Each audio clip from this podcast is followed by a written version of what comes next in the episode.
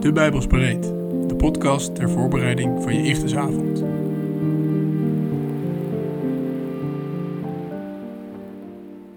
Onze relatie met God is de voornaamste vervulling van ons bestaan als mens. In de Bijbel lezen we dat Gods Heilige Geest zelfs in ons woont. Dat suggereert dat het heel makkelijk zou moeten zijn om met God te communiceren. Hij is immers in ons. In de praktijk blijkt echter dat het best ingewikkeld is om echt Gods stem te verstaan.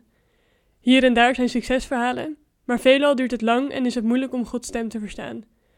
Ook wij als Boeksie zouden graag veel meer en makkelijker met God communiceren.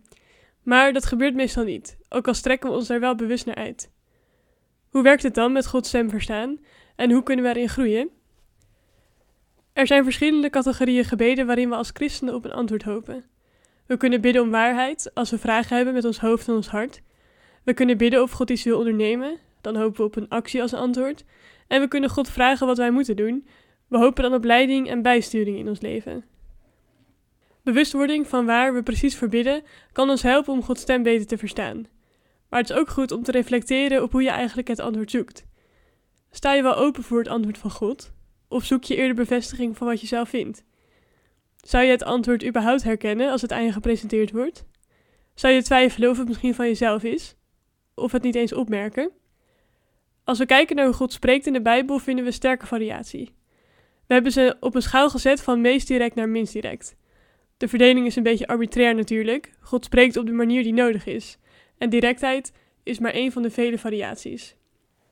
Deze verdeling helpt hopelijk wel om duidelijk te maken hoe breed je moet openstaan voor het antwoord, want je zou het maar zomaar mislopen. Allereerst de absoluut meest directe manier waarop God spreekt. Een manier die je niet mis kan lopen, al zou je het wel willen. Denk bijvoorbeeld aan Jona. In de Bijbel staat niet precies genoemd hoe het, hoe het woord van de Heer tot Jona kwam, alleen dat Jona het hoorde en hem zo snel mogelijk smeerde. Jona ontweek God zo hard mogelijk, maar God valt niet te ontwijken, zo leerde ook Jona.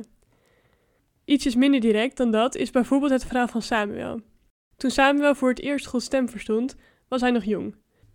Hij lag te slapen en werd geroepen. Hij hoorde een fysieke stem. Samuel verwarde de stem van God tot driemaal toe met de stem van Eli, die voor hem zorgde. God spreekt fysiek, woord voor woord. Dan hebben we de vele visioenen uit de Bijbel.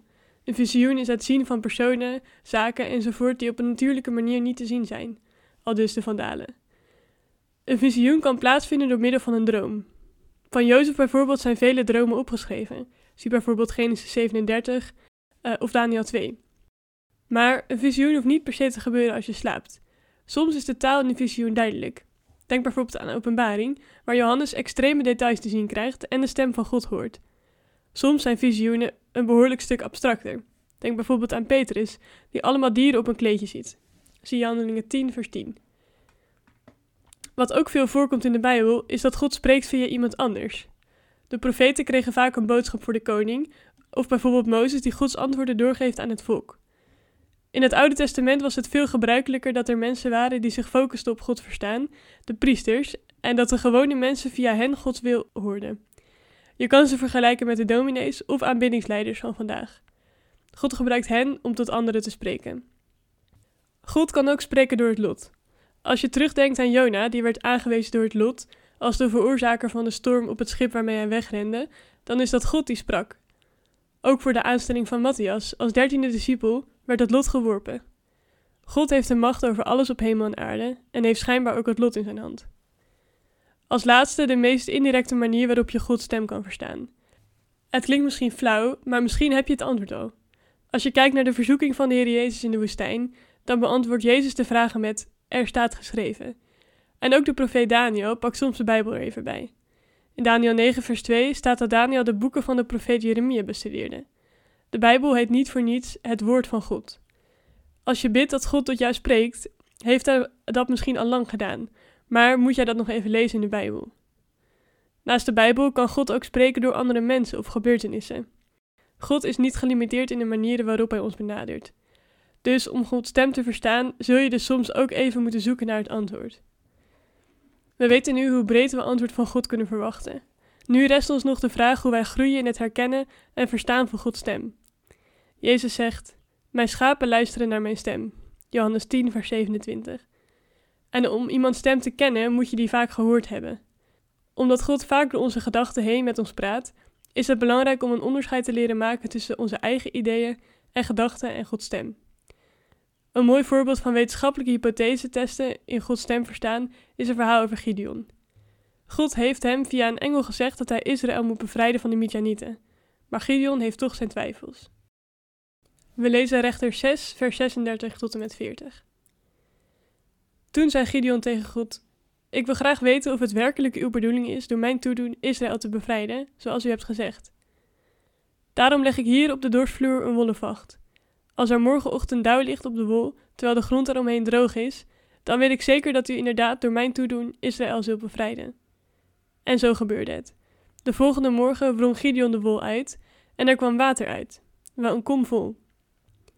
Toen zei Gideon tegen God: U moet niet kwaad op me worden als ik nog één keer aandring, maar ik wil nog een laatste proef nemen. Nu moet de wol droog blijven en de grond eromheen nat zijn van dauw. Die nacht deed God wat Gideon had gevraagd. De wol bleef droog en de grond eromheen werd nat van dauw. Alhoewel Gideon dit mogelijk vroeg om extra moed en bevestiging te krijgen, in plaats van uit onduidelijkheid, is dit alsnog een voorbeeld waarin God extra verduidelijking geeft nadat Gideon hierom gevraagd heeft. Als christen is het gezond om te verlangen naar regelmatig diep contact met God. Maar helaas is het in dit leven vaak nog moeizaam. God kan op allerlei manieren tot ons spreken. Dus dat betekent dat we breed moeten leren luisteren. Daarin mogen we ons uitstrekken naar God terwijl we kritisch blijven toetsen of het Zijn stem is die spreekt. Houd hoop, want door de Heilige Geest hebben we nu al ten dele het contact met God wat we straks ten volle zullen hebben. Nu is ons bestaan als mens al in het klein vervuld wanneer we met God spreken, maar straks zal het volledig vervuld worden wanneer we echt met Hem leven. Hoe ervaar jij jouw communicatie met God? En verlang je ernaar vaker Gods stem te verstaan? Heere God, ik wil u danken dat de Heilige Geest in ons leeft. Dank dat u ons nu al ten dele laat ervaren hoe het is om met u te communiceren. Maar blijf ons helpen steeds weer uw stem te verstaan. Amen.